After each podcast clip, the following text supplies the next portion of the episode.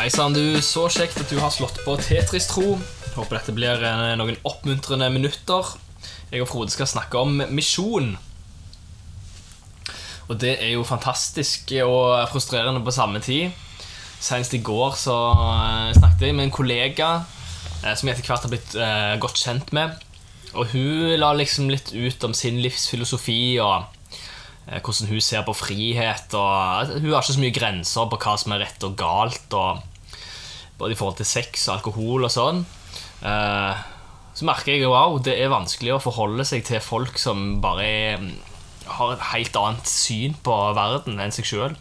Jeg merka når jeg eh, Når jeg gikk inn på lageret etterpå, at wow, jeg ble berørt av den samtalen. Eh, og det er jo det å leve et misjonalt liv, det å faktisk bry seg om de som ennå ikke kjenner Gud, det er jo faktisk smertefullt. Det er mye lettere å se ned på dem og ikke bry seg om dem, men det å faktisk ta inn over seg eh, at det er mennesker rundt oss som ikke kjenner Jesus, eh, det er smertefullt, men det gjør noe med deg. Og eh, jeg vil bare virkelig slå et slag for et sånt liv. Jeg husker En ting som betydde veldig mye for meg, det var en av de første gangene jeg virkelig sånn steppa ut og gjorde noe ukomfortabelt. Det var en gang jeg var, jeg var på bystasjonen i Sandnes. Var og handla og sånn. Og så helt vanlig dag. Um, og så gikk jeg ut av butikken. Og så rett etter jeg hadde gått ut av butikken, da kjente jeg uh, at jeg ble skikkelig minnet på hun som sto bak kassen. Hun um, gikk på krykker. Og da uh, kjente jeg meg utfordra til å be for hun Jeg spør om jeg kunne be for hun Og det var sånn ah, Det har jeg jo aldri gjort før. Jeg kanskje Du som hører på, har kanskje kjent meg en liten stund, og kanskje du ser på meg som en litt sånn crazy fyr som kan snakke med hvem som helst. Men sånn har det ikke vært hele livet. Jeg er egentlig en sjenert fyr, og du skal ikke mange år tilbake før det var vanskelig å snakke om helt vanlige ting med, med folk rundt meg. Så det var skikkelig utfordrende, men jeg bare kjente jeg, jeg må gjøre det. Så etter en sånn 20 minutters kamp eh, med meg sjøl, så gikk jeg inn og bare spurte om jeg kunne be for henne, og gjorde det. Eh, Jeg har ikke fått muligheten til å treffe henne i ettertid og høre hvordan, om det skjedde noe. da Men det betydde sykt mye for meg, og da fikk jeg virkelig smaken på at ah, jeg har lyst til å leve et liv i tro. Jeg har lyst til å bare være en etterfølger av Jesus. Eh, synlig for eh, de som går i kirka, og de som ikke går i kirka. Eh, mitt råd til deg er bare å begynne i de små. Jeg måtte begynne i de små. Jeg måtte begynne å øve meg på å snakke med folk om helt vanlige ting. Øve på å snakke om hva jeg tenker på, hva jeg mener om forskjellige ting. Og litt etter litt eh, så kjente jeg at jeg utvikla meg, og plutselig så var jeg en plass der jeg begynte å tørre å dele troen min òg. Og et sånn eh, eh, tips som har hjulpet meg, det er at hvis en stiller folk et spørsmål, så stiller ofte de spørsmålet tilbake.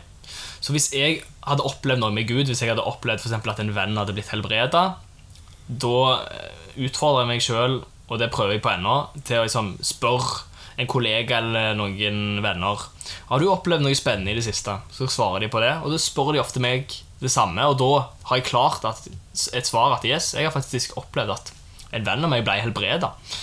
Og sånne ting, enkle ting som eh, koster litt, men fører til sykt spennende samtaler.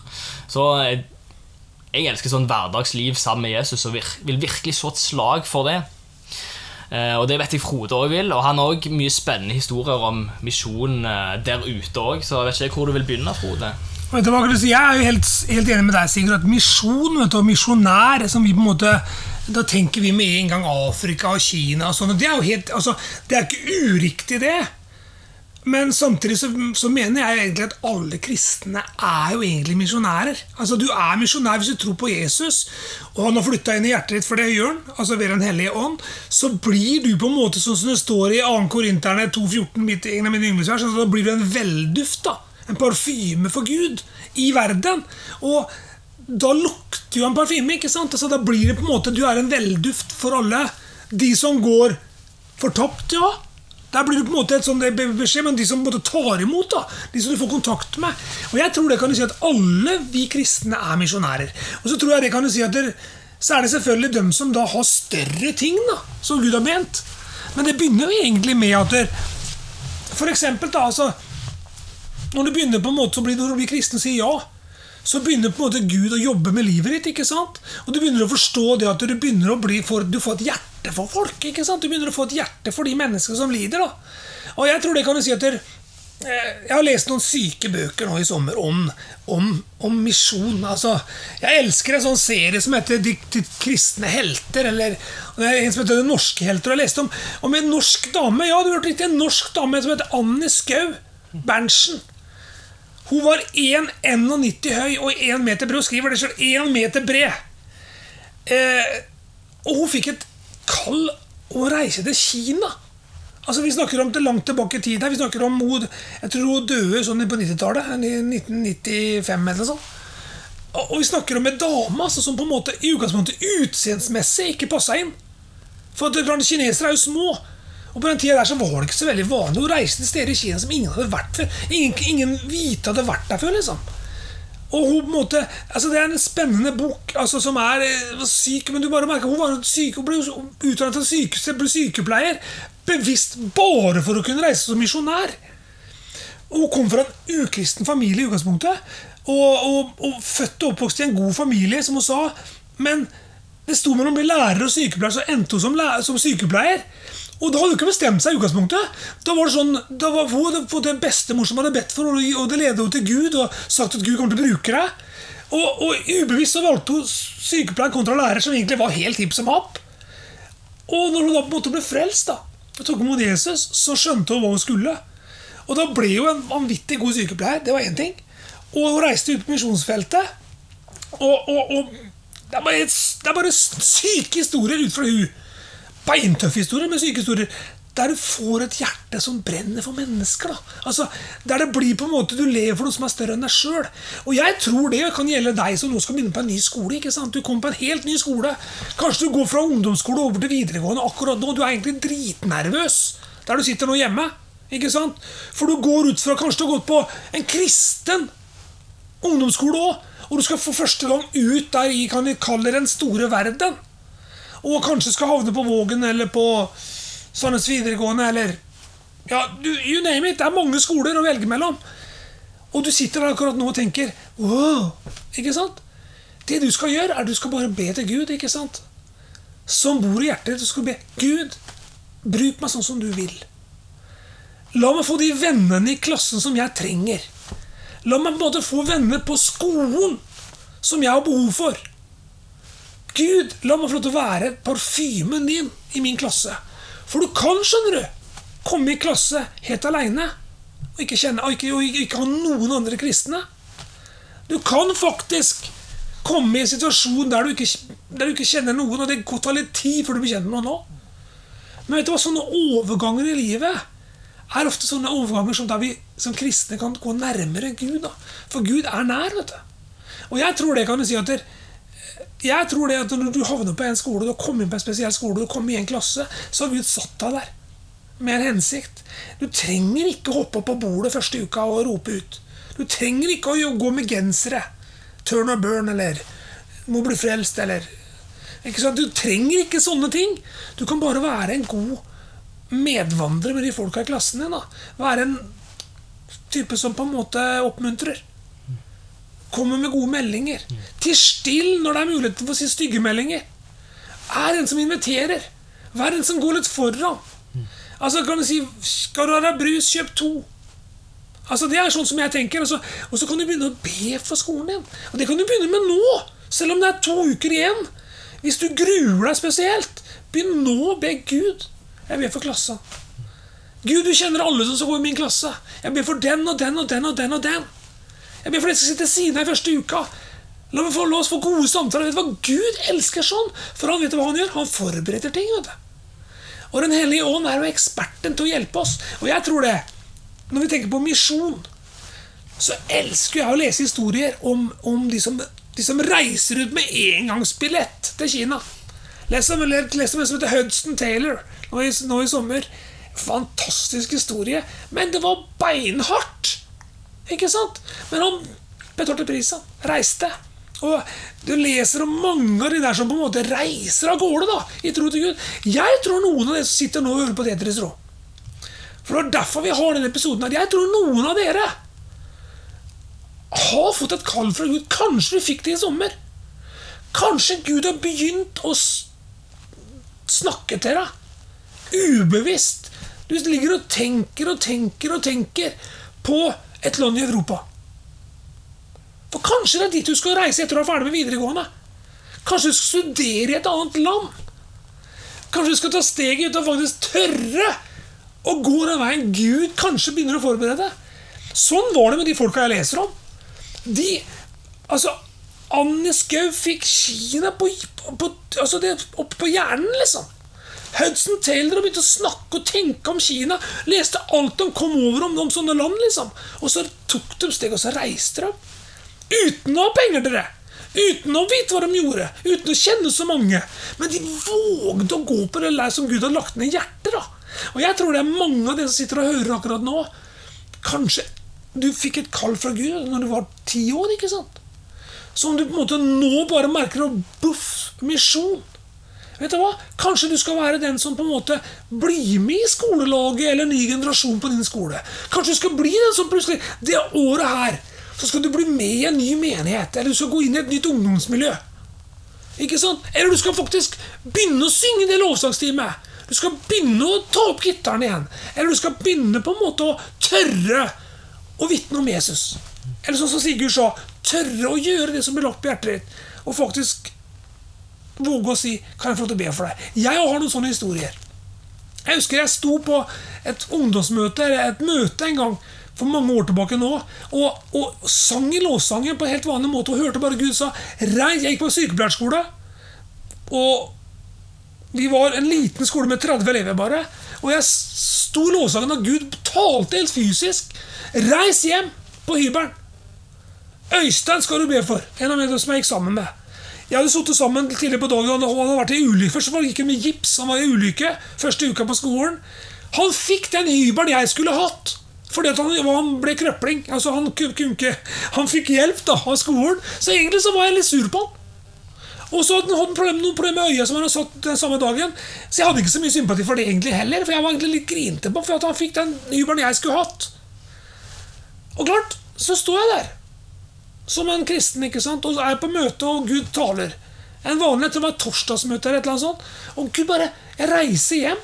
Jeg visste han var i TV-stua. Jeg gikk på rommet og dunka på, han var ikke der. Var i TV-stua, Det var håndballkamp, håndball-EM eller VM. Eller sånt. Det var tjukt med mennesker der. Og jeg tenker, kjære Gud, liksom. Kan jeg ikke få alenetid med Øystein? Og, og jeg satt der. Og det ene gitt det andre ikke. Og jeg, jeg, var så svett og klam og følte meg Gud, liksom! For jeg måtte gjøre det. Og så plutselig så var det bare meg og Øystein og en som heter Trond igjen.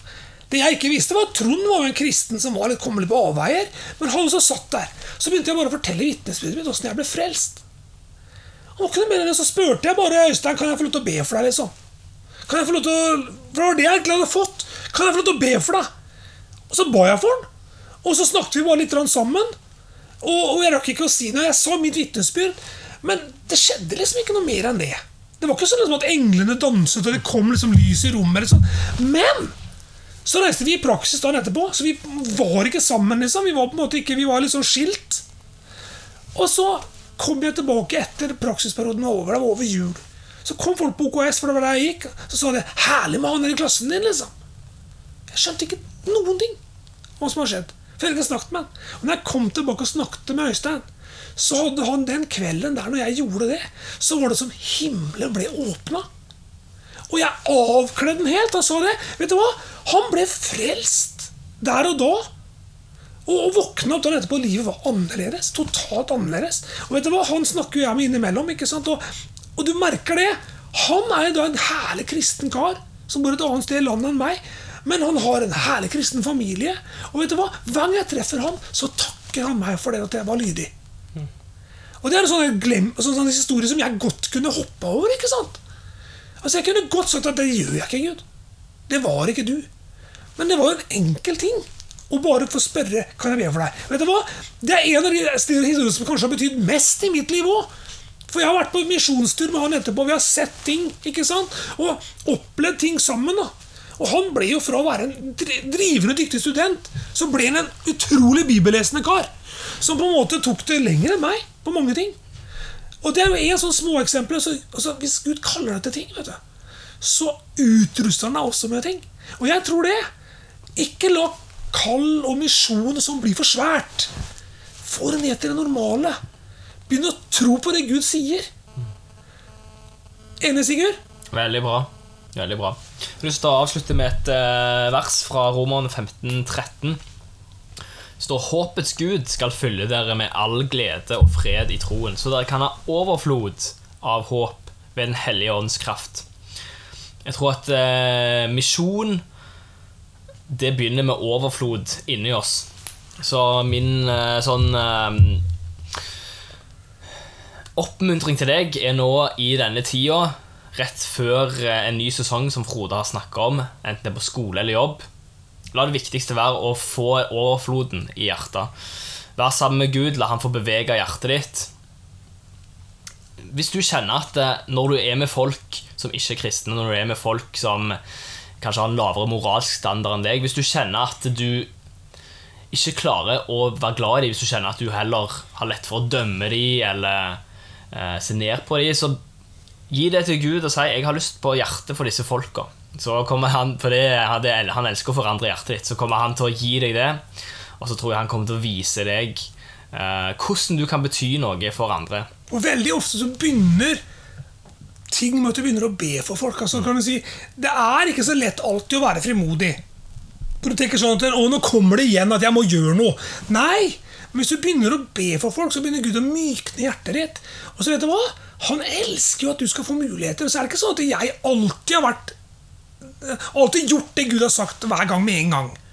Ofte så har jeg bare vært feig og feiga ut. Men, altså, men, men allikevel har jeg alltid fått nye sjanser. Man klarer å si Gud er sånn at Ettersom vi er misjonærer, så leder han oss ikke sant, i det vi skal gjøre. Og jeg tror det at vi går i ferdiglagte gjerninger. Altså. Jeg, jeg kommer aldri vekk fra det. Jeg tror at vi ofte gjør ting vanskelig når han vil at vi skal gjøre det enkelt. Jeg tror en ekstra brus eller en ekstra sjokolade eller en ekstra tyggis ofte er nøkkelen til et hjerte. Å være raus. Altså, det å ta med noen ute på, på Mækkern liksom, på en eh, bare sånn helt vilkårlig dag, liksom. Bare for å være sammen med folk på en helt vanlig altså, Det begynner jo egentlig med å være sammen med andre. Altså, det er på en måte Du er full av Jesus. Om du har sagt ja til Jesus. Det er ikke sånn at du blir bedre og bedre. Du er god. Og du er en velduft. Og jeg tror det at der, svettelukt det er det ingen som liker. Det er stress, kav og mas. Det er ikke det vi er kalt til som kristne. Vi er kalt til å være Kristi, Kristi vellukt, altså parfyme. Og det er for at vi lar Han gjøre jobben. Så går vi etter. Og da blir det friskt å være sammen med oss. Jeg tror det kan du si en kristen løfter andre opp.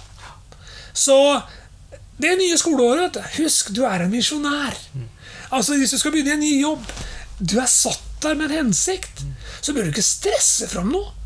For jeg liker jo det, kan du si, Sigurd sa det, spør spørsmål, så får du spørsmål tilbake.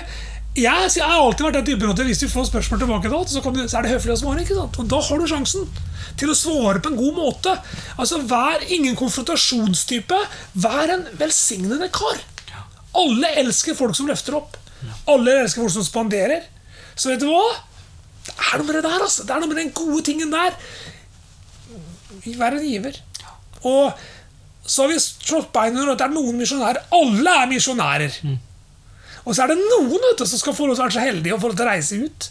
Som, altså, som får et navn eller et, et land i hjertet. Kan du får det nå, ikke sant?